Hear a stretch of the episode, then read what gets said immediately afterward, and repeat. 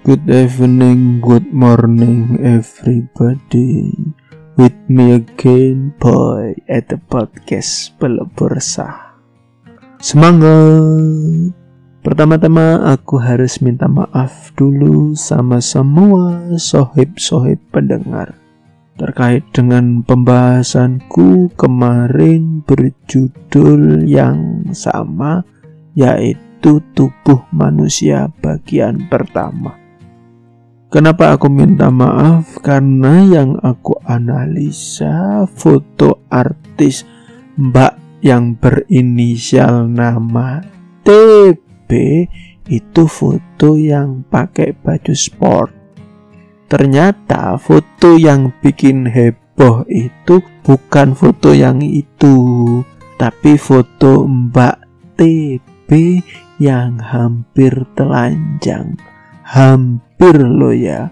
Cuma hampir. Ya cuma hampir. Setelah aku cari-cari ketemulah si foto yang bikin viral. Ternyata wajah Mbak TB nggak kelihatan full.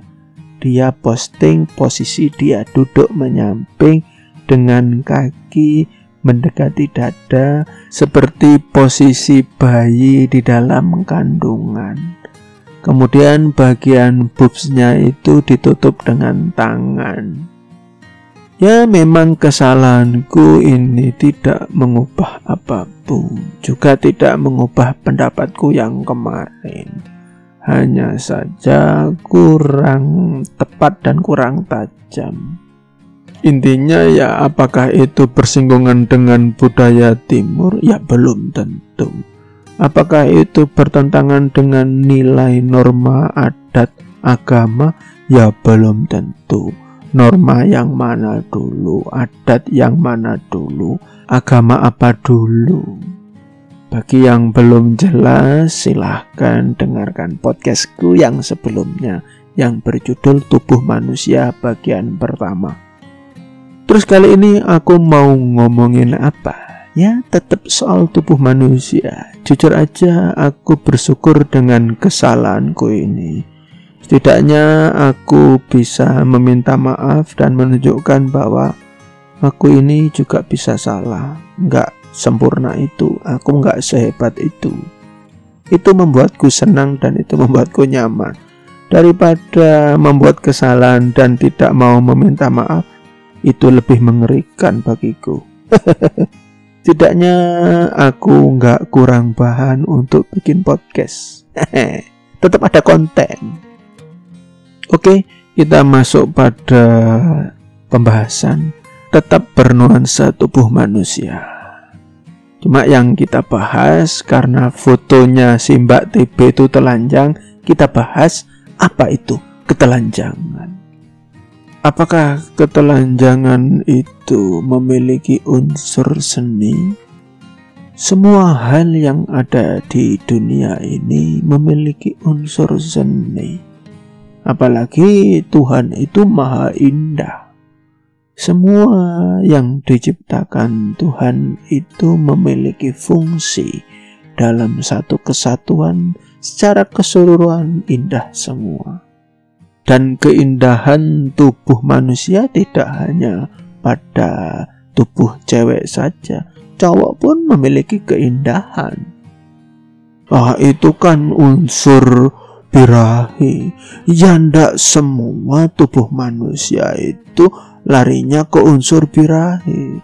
Sebelum kita jawab, mari kita bahas dulu apa sih pornografi? Sebenarnya itu kan dari kata bahasa Inggris dari kata porn dan grafi. Yang aku kutip dari daily.com, porn secara teknik adalah apa pun secara materi yang didesain dibuat untuk menstimulus perasaan erotis sederhananya yang bisa membangkitkan birahi. Sedangkan ketelanjangan di dalam bahasa Inggris itu nudity dari kata nud artinya telanjang. Apakah itu seni atau art dalam bahasa Inggris? Semuanya itu tumpang tindih. Semuanya itu memiliki batasan yang sangat tipis. Misal begini, saat kamu masuk dalam galeri lukisan, nah dari banyak sekian lukisan itu, kamu menemukan lukisan bergambar manusia telanjang.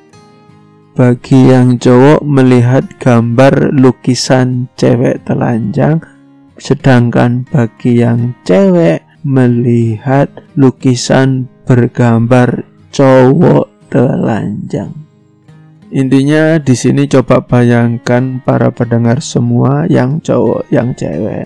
Kalian pada posisi melihat gambar lukisan lawan jenis Anda telanjang. Jadi cewek melihat cowok, cowok melihat cewek. Dalam posisi yang dilihat itu telanjang. Paham kan? Kira-kira apakah itu Anda melihat seni atau melihat ketelanjangannya? Nah ini ya rata-rata manusia secara normal yang dilihat itu ketelanjangannya kemudian masuk ke rangsangan seksual menjadi sebuah bentuk bangkitnya birahi.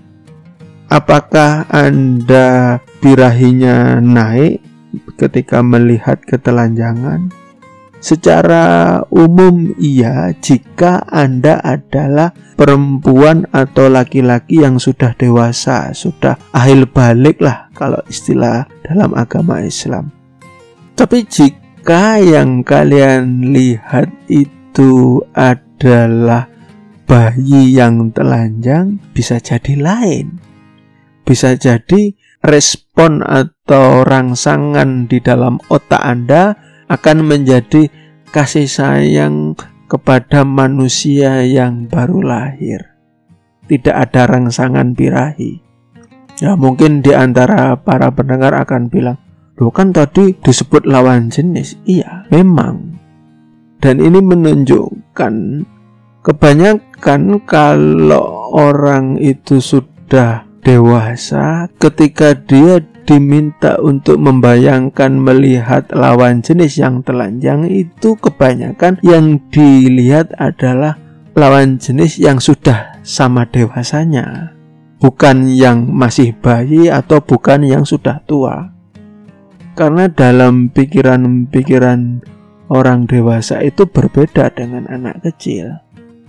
Begitu juga jika kalian ini masih umur di bawah belasan tahun atau masih balita ketika melihat manusia lawan jenisnya yang telanjang entah itu umurnya sama balitanya atau usianya di atas dia atau sudah nenek-nenek atau sudah kakek-kakek si balita ini Anda yang masih balita ini kecil kemungkinan untuk melihat itu sebagai rangsangan birahi. Ya bisa dikatakan hampir tidak mungkin. Maka dalam hari ini mana yang purno, mana yang ketelanjangan, mana yang seni itu tumpang tindih sebenarnya. Lalu mungkin nggak sih ketelanjangan itu dipandang sebagai seni? Bisa jadi. Bahkan tidak dipandang sebagai seni dan tidak dipandang sebagai porno, ketelanjangan bisa dipandang sebagai sudut yang lain. Misal apa? Jika itu dipandang sebagai makhluk ciptaan Tuhan atau makhluk penghuni bumi, ya sebatas itu makhluk omnivora pemakan segala bisa. Bahkan ada sebuah teori yang menyebutkan agak kejam manusia itu adalah hewan yang berakal. Ada yang mengatakan seperti itu. Jadi tidak semua ketelanjangan itu menjurus pada sebuah porno atau pada sebuah seni. Bagaimana jika Anda seorang dokter ahli bedah dan Anda harus mengoperasi lawan jenis Anda? Bagi dokter cewek, mengoperasi pasien cowok bagi dokter cowok mengoperasi pasien cewek coba deh bayangkan gini kita berimajinasi ya jika kalian itu dokter nih dokter ahli bedah kemudian suatu ketika orang yang anda taksir yang anda sukai yang anda cintai lah itu mengalami suatu penyakit sakit yang harus dia dioperasi. Nah, satu-satunya dokter yang bisa mengoperasi itu Anda. Nah, ketika dia dibius, itu Anda bagaimana sikapnya? Lebih mengutamakan pikiran ngeres atau lebih mengutamakan tugasnya sebagai dokter? Mungkin ada yang mengatakan, uh paling yang ngeres dulu pikirannya. Ya berarti kurang paham tentang kasih sayang, apalagi cinta. Cie cie cie. Gini loh, jika memang Anda menyukai si pasien itu, sedangkan Anda dokternya yang harus mengoperasi orang terkasih Anda, tentu Anda akan memikirkan dan menginginkan bahwa orang yang Anda sayangi, orang yang Anda cintai itu selamat, orang itu sembuh dari penyakitnya. Dan melihat hal ini, masihkah kita menghakimi si mbak artis TB ini? Apakah dia berdosa? Aku nggak ngerti juga. Aku nggak ahli dalam menghitung dosa-dosa manusia. Lebih baik aku menghitung dosaku sendiri. Makanya aku minta maaf di awal sebelum aku ngomong panjang lebar di podcast ini. Kenapa? Karena aku menghitung dosaku, aku menghitung hilafku, aku menghitung salahku. Entah pantas atau tidak, layak atau tidak, aku hanya ingin mengajak semua yang ada di, di sini, semua yang mendengarkan podcast ini. Minta maaf bukanlah hal yang memalukan. Minta maaf tidak membuat Anda terlihat bodoh. Minta maaf tidak membuat Anda kalah. Sebenarnya, minta maaf itu menunjukkan martabat Anda sebagai manusia. Dan jika Anda tidak ingin minta maaf, atau jika Anda sulit sekali untuk minta maaf, maka jangan mudah untuk menghakimi orang, jangan mudah menghina orang. Dan itu kenapa kesalahanku melihat foto itu terjadi.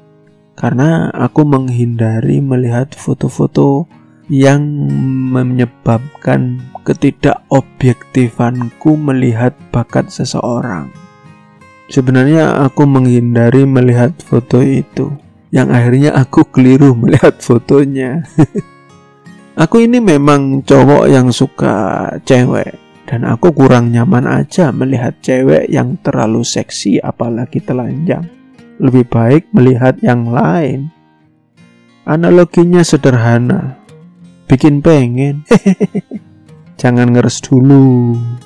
Kalau kamu lihat ayam goreng, terus kamu pengen makan ayam goreng itu, kan kamu tinggal beli ayam goreng itu. Lah, kalau lihat yang entahlah itu, kan jadi tambah entahlah begitu. Ah, ah, ah. Entah disebut nudity, ars, atau porno, atau apalah. Aku hanya paham itu tubuh telanjang dan enggak telanjang. Itu aja. Telanjang atau enggak gitu aja. Sesimpel itu. Bagaimana dengan kalian? Semoga apa yang aku katakan, yang aku jelaskan di podcast ini bisa dipahami, bisa menghibur lah setidaknya. Dan sampai sini dulu. Sampai jumpa lagi. Bye bye.